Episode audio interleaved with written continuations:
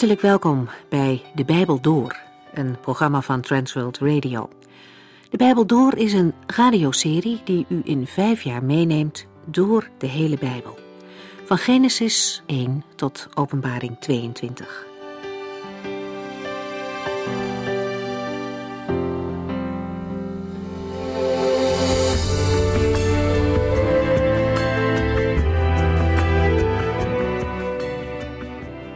In de Bijbel door verdiepen we ons vandaag in Lucas 12, maar laten we nog even teruggaan naar de vorige keer. Heer, leer ons bidden. Dat vroegen de discipelen aan de Heer Jezus. Ze hadden gezien dat hij vaak in gebed was. Dat maakte indruk en ze wilden graag van hem leren bidden. Weet u, wij mogen met dezelfde vraag naar de Heer Jezus gaan. Leer ons bidden. We mogen ook vragen om volharding in het gebed of vragen dat de Heilige Geest ons in gedachten brengt voor wie we moeten bidden. Bidden is iets wat je kunt leren. En de Heer Jezus leerde zijn discipelen niet alleen hoe ze konden bidden, hij legde ook iets uit over Gods kant als mensen bidden. Iemand zou alle mogelijke moeite doen om zijn vriend te helpen, zelfs midden in de nacht, als het ongelegen komt. En zo mag een gelovige nog veel meer rekenen op de hulp van de Hemelse Vader.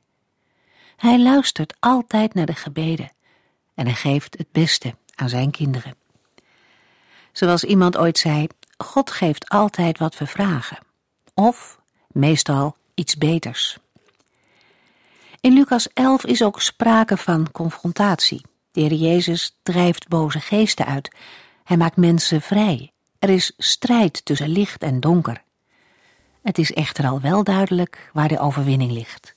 Bij de Heer van het licht. Hij roept de gelovigen op om dat licht zelf ook te laten schijnen. Als ons leven gericht is op Christus, dan schijnt Zijn licht als het ware door ons heen en verlicht de wereld om ons heen. We vervolgen deze serie nu met Lucas 12.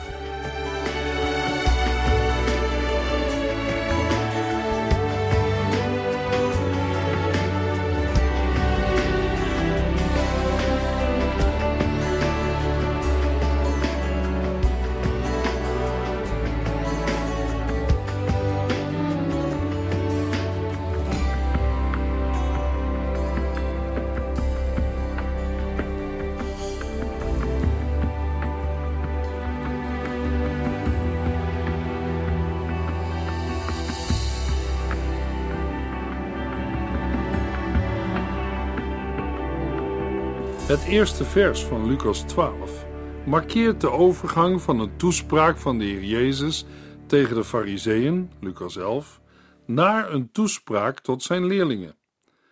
Er heeft zich inmiddels een grote massa mensen verzameld. Zij verdringen zich om Jezus heen om hem goed te kunnen horen. In hun bijzijn spreekt de Heer Jezus eerst zijn leerlingen toe. Lucas 12, vers 1 tot en met 2. Ondertussen verdrongen zich duizenden mensen om hem heen. Jezus had eerst zijn leerlingen iets te zeggen. Ik waarschuw jullie niet zoals de Fariseeën te worden. Het zijn huigelaars. Het zal vanzelf wel blijken hoe het werkelijk zit. Wat verborgen is, zal aan de dag komen. Dat Jezus eerst zijn leerlingen toespreekt, geeft aan dat wat in het vervolg gezegd wordt, bijvoorbeeld de waarschuwing voor vervolgingen de oproep tot openlijke verkondiging enzovoort, is allereerst bestemd voor de volgelingen van Jezus en niet zozeer voor de mensen in het algemeen. Als de heiland de huichelarij van de fariseeën aan de kaak stelt, dan moeten we denken aan wat er in Lucas 11 is gezegd. We kunnen het samenvatten met Lucas 11 vers 46 en 52. U eist het onmogelijke van de mensen maar doet zelf niets om hen te helpen. Slecht bent u Bijbelgeleerde, u houdt de sleutel tot de ware kennis voor de mensen verborgen. U hebt zelf de deur daartoe niet geopend en u houdt ook anderen tegen binnen te gaan. Jezus waarschuwt zijn volgelingen tegen het zondige gehuichel van de Fariseeën. Het huichelen van de Fariseeën wordt in de Griekse grondtekst vergeleken met zuurdeeg. Zuurdeeg was een oud stukje deeg dat in het meel werd gedaan om het gistingsproces te bevorderen en dat al gistende op den duur het hele brood doordrong. Het beeld van het zuurdeeg kan zowel positief als negatief worden gebruikt. Hier wordt het negatief gebruikt. Het gehuichel van de Fariseeën woekert door onder de mensen. Zij geven geen goed voorbeeld aan de mensen. Ze houden de sleutel tot de ware kennis voor de mensen verborgen en houden ook anderen tegen binnen te gaan. In het laatste oordeel zal alles aan het licht komen. Lucas 12, vers 3 tot en met 5. Alles wat jullie in het donker zeggen, zal in het licht gehoord worden. Wat jullie stiekem fluisteren, zal van de daken rondgebazuind worden. Jullie zijn mijn vrienden. Wees niet bang voor de mensen die je willen vermoorden. Zij kunnen alleen maar je lichaam doden, maar hebben daarna geen macht meer over je. Weet je voor wie je een heilige vrees moet hebben? Voor God, die macht heeft te doden en daarna in de hel te gooien. Dit vers, dat de uitspraak uit het vorige vers motiveert, is op te vatten als een spreekwoordelijke uitdrukking van algemene strekking. In een situatie waarin de leerlingen net als hun meester omwille van het evangelie ten dode toe bedreigd en vervolgd worden, is de verleiding groot om uit lijfsbehoud niet openlijk voor hun verbondenheid met hem uit te komen. In de versen 4 tot en met 12 houdt Jezus hen dan ook vier redenen voor waarom zij niet bang moeten zijn voor de tegenstanders, maar onder alle omstandigheden hem openlijk trouw moeten blijven. De eerste reden om niet bang te zijn is dat de macht van de tegenstanders begrensd is. Over het lot van een mens na zijn dood hebben zij geen enkele zeggenschap of macht. Daarmee geeft Jezus aan dat er een grens is aan het lijden, ook van het lijden dat de ene mens een ander kan aandoen. De lichamelijke dood, hoe ernstig ook, staat dan ook in geen enkele verhouding tot de eeuwige dood. Met dat uitzicht moeten de volgelingen van Jezus geen angst voor vervolging hebben. De consequenties van het verloochenen van het geloof zijn groter. Het is verschrikkelijk om in de handen van de levende God te vallen. Hebreeën 10. Lucas 12, vers 6 tot en met 9. Wat kosten vijf mussen? Bijna niets. Toch vergeet God er niet één van. Hij weet zelfs hoeveel haren je op je hoofd hebt. Wees dus nooit bang. Je bent hem veel meer waard dan een hele zwerm mussen. Onthoud dit. Als je er bij de mensen openlijk voor uitkomt dat je bij mij hoort, zal ik, de mensenzoon, dat ook doen bij de engelen van God. Maar als je voor de mensen doet of je mij niet kent, zal ik voor de engelen van God doen of ik jou niet ken. De tweede reden waarom de leerlingen niet bang moeten zijn voor vervolgers, maar openlijk hun geloof moeten beleiden, is dat God zelf voor hen zorgt. Als schepper en onderhouder van zijn schepping draagt de Heere zorg voor zelfs de kleinste dingen uit zijn schepping, zoals bijvoorbeeld een musje. Er is dan ook geen reden om bang te zijn, omdat de mens als kroon van de schepping voor God veel belangrijker is dan een zwerm musjes. Zelfs bij het naderen van de marteldood mag hij of zij van de zorg van de Heere verzekerd zijn. De derde reden om zich openlijk en onbevreesd voor de Heer Jezus uit te spreken is dat het consequenties heeft voor later. De keerzijde van het verloochenen van de persoon van de Heer Jezus is het zelfverloochend worden als een volgeling van Jezus op de dag van het oordeel.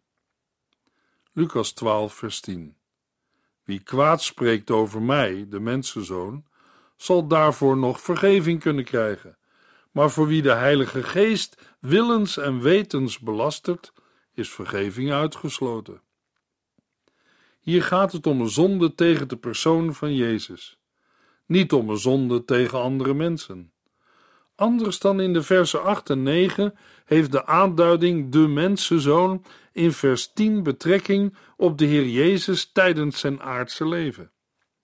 Het verwerpen van de historische persoon van Jezus door zijn tijdgenoten of door mensen nu kan nog berusten op een niet weten van wie hij is.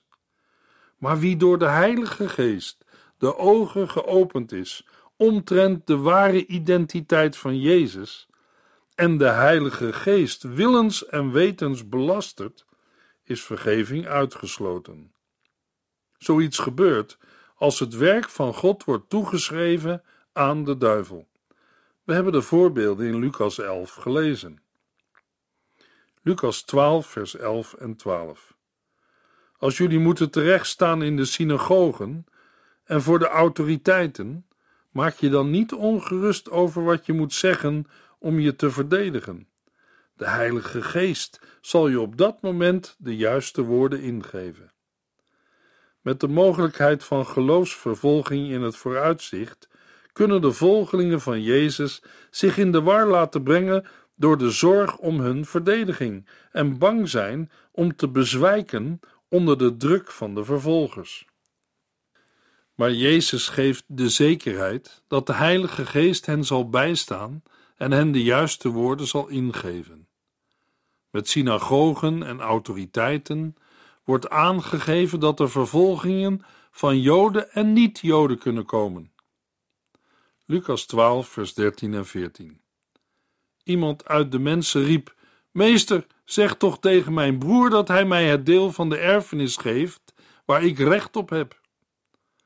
Jezus antwoordde: Beste man, hoe komt u erbij dat ik rechter over u wil zijn? Met erfeniskwesties houd ik mij niet bezig. Het onderwijs van Jezus aan zijn discipelen wordt onderbroken door een man die Jezus vraagt een oordeel te vellen in een erfeniskwestie. De man vraagt Jezus om een uitspraak te doen in zijn voordeel.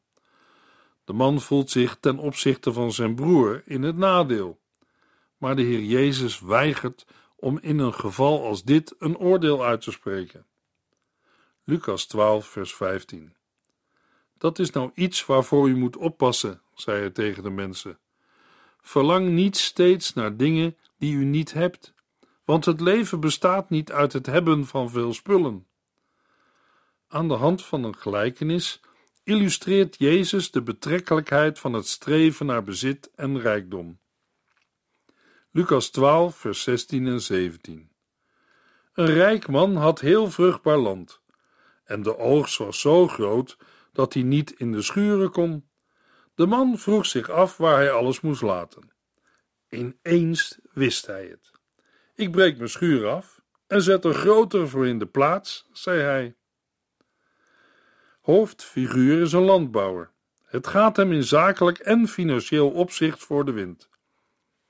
Het eerste dat van hem gezegd wordt is dat hij rijk is en dat hem de opbrengst van een rijke oogst te wachten staat. Maar de opbrengst van het land is zo groot dat zijn huidige opslagruimten niet toereikend zijn. De oplossing is grotere schuren. Lucas 12, vers 18 tot en met 21. Dan heb ik ruimte genoeg om alles op te slaan.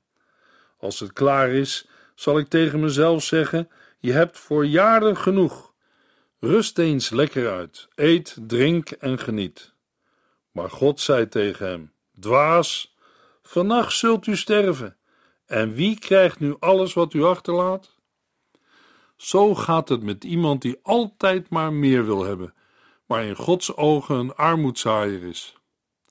Eten, drinken en vrolijk zijn is in de Bijbel een typische uitdrukking van een oppervlakkige levensstijl. Een levensstijl die met God nog gebod rekening houdt. Het komt niet in de man op om anderen te laten delen in zijn welvaart. Hij is alleen op zichzelf gericht en heeft ook niemand als gesprekspartner. Hij praat alleen met zichzelf. Rust eens lekker uit, eet, drink en geniet. Maar God zei tegen hem: Dwaas, vannacht zult u sterven. En wie krijgt nu alles wat u achterlaat? Vanwege zijn kortzichtigheid en zelfgerichtheid wordt de man gekarakteriseerd als een dwaas. Zijn voornemens zullen nooit gerealiseerd worden, omdat hij nog diezelfde nacht zal sterven. En wat heeft hij dan aan zijn rijkdom? Voor wie zal het zijn? In ieder geval niet voor hemzelf. Als een mens leeft alsof dit leven alles is wat er is, en alleen leeft voor zichzelf, en doet alsof er na de dood niets meer is, dan heeft de Heere daar maar één naam voor: dwaas. Lucas 12, vers 22 tot en met 24. Jezus zei tegen zijn leerlingen: Maak je geen zorgen over je levensonderhoud, over wat je zult eten of aantrekken. Want het leven is meer dan voedsel en kleding alleen. Kijk eens naar de kraaien, die zaaien en oogsten niet, en ze hebben geen voorraadkamers of schuren. Toch gaat het hen goed, want God geeft ze te eten. Wel, jullie betekenen toch veel meer voor hem dan die vogels. In de versen 22 tot en met 34 gaat het over bezorgdheid. Jezus roept zijn leerlingen op om hun leven volledig in Gods handen te leggen. Zij moeten zich niet in beslag laten nemen door de zorg om aardse goederen of materiële rijkdom. In Jacobus 5, vers 3 lezen we: U blijft rijkdom verzamelen terwijl de dag van het grote oordeel nabij is. Luisteraar, wat kan een mens met al zijn rijkdom op de dag van het grote oordeel? Helemaal niets. De boeken worden geopend, ook het levensboek, en de doden werden op grond van hun daden geoordeeld. En ze werden allemaal geoordeeld naar wat ze hadden gedaan. Als iemands naam niet in het levensboek stond, werd hij in de poel van vuur gegooid. Openbaring 20. Lucas 12, vers 25 tot en met 27. Waar zijn zorgen trouwens goed voor? Kun je je leven erdoor verlengen? Natuurlijk niet. Als je dat nog niet eens kunt, waarover zul je dan zorgen maken? Kijk eens naar de lelies. Die spinnen niet en weven niet. Toch zijn ze mooier dan koning Salomo in al zijn pracht en praal. Geen mens kan de door God gestelde levensduur door bezorgd te zijn verlengen. De medische wetenschap beweert zelfs dat overmatige bezorgdheid iemands levensduur kan bekorten. De vogels en de bloemen ontlenen hun pracht en praal aan de zorg die de Heer aan hen besteedt, niet aan iets wat ze zelf presteren. Lucas 12, vers 28. Als God de planten die vandaag in het veld staan en morgen verbrand worden, zo mooi aankleedt, zal hij jullie dan geen kleren geven? Bange twijfelaars. Hoe vergankelijk lelies ook zijn, toch bekleedt de Heer ze met schoonheid. Al is het maar voor even, ze bloeien prachtig.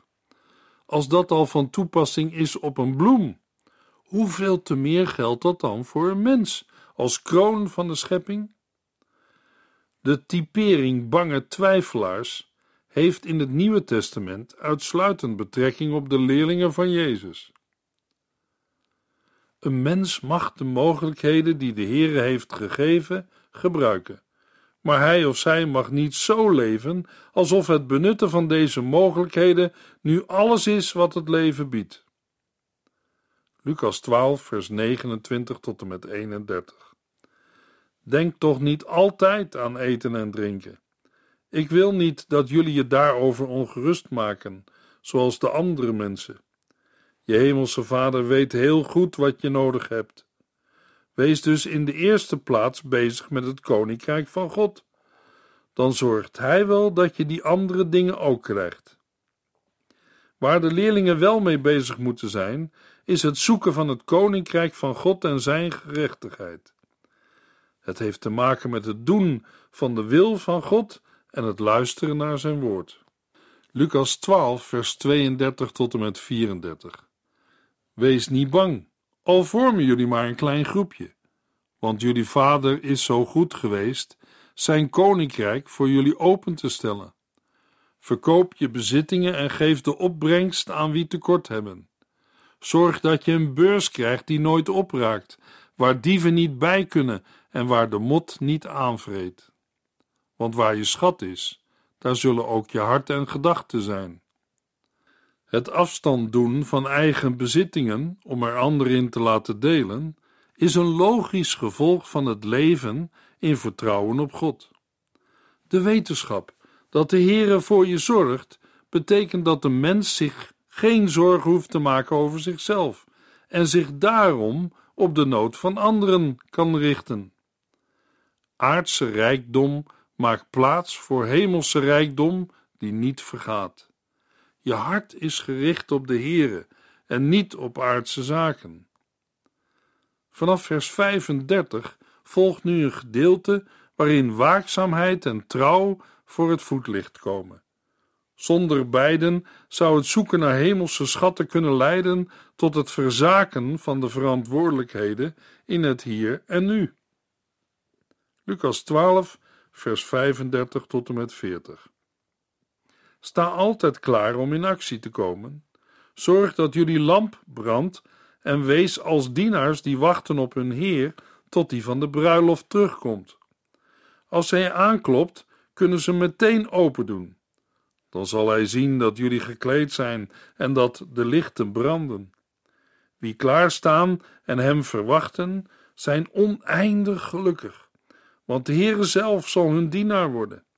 Hij zal hen aan tafel nodigen en bedienen.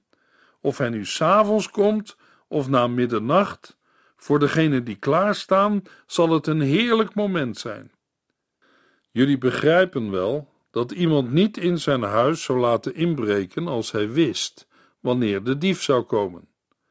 Het beste wat je dus kunt doen, is altijd klaar te zijn. Want ik, de mensenzoon, kom op een moment dat niemand mij verwacht. Het gaat in deze verse om de waakzaamheid met betrekking tot de wederkomst van de Heer Jezus Christus. Bij de bespreking van Matthäus 25 zijn we dieper op dit thema ingegaan. Lucas 12, vers 42 tot en met 44. Petrus vroeg: Is dit voor iedereen bestemd of alleen voor ons? Jezus antwoordde: Ik heb het over de betrouwbare en verstandige rentmeester, die van zijn Heer opdracht heeft gekregen voor de andere arbeiders te zorgen. Als de Heer terugkomt en ziet dat de man zijn werk goed heeft gedaan, zal hij hem belonen en hem zijn hele bezit toevertrouwen. In het antwoord op de vraag van Petrus verschuift Jezus het thema van waakzaamheid naar trouw. Het antwoord van Jezus aan Petrus is dan ook als volgt te beschrijven. Op wie is nu de volgende beschrijving van toepassing? Op zo iemand heeft de gelijkenis betrekking. Daarmee nodigt de Heere ieder die de gelijkenis hoort uit om zelf zo'n trouwe rentmeester te zijn. Ieder op zijn of haar gebied met de van God toevertrouwde gaven en talenten. De Heere zal trouw belonen. Lucas 12, vers 45 en 46. Maar de rentmeester kan ook denken: Mijn Heer komt voorlopig niet terug. Hij kan de arbeiders en de werksters beginnen te slaan. Hij kan erop los leven en dronken worden. Maar als dan onverwacht zijn Heer terugkomt, zal die hem ontslaan en behandelen als een misdadiger. De rentmeester onderdrukt en verwaarloost de andere arbeiders en werksters, ten gunste van zichzelf, en houdt geen rekening met een vergelding van zijn wandaden de gelijkenis laat zien, dat kan hij nu wel denken, maar hij zal zijn straf niet ontlopen, want zijn Heer zal hem ontslaan en behandelen als een misdadiger. In de versen 47 en 48 bespreekt de heiland de zwaarte van het oordeel ten opzichte van de gepleegde overtreding. Vers 48. Als iemand veel heeft ontvangen, zal ook veel van hem worden geëist. Hoe meer je is toevertrouwd, hoe groter je verantwoording is. Deze versen laten ook zien dat het niet kennen van de wil van de Heere een mens nog niet ontslaat van zijn verantwoordelijkheid en ook niet van schuld en straf.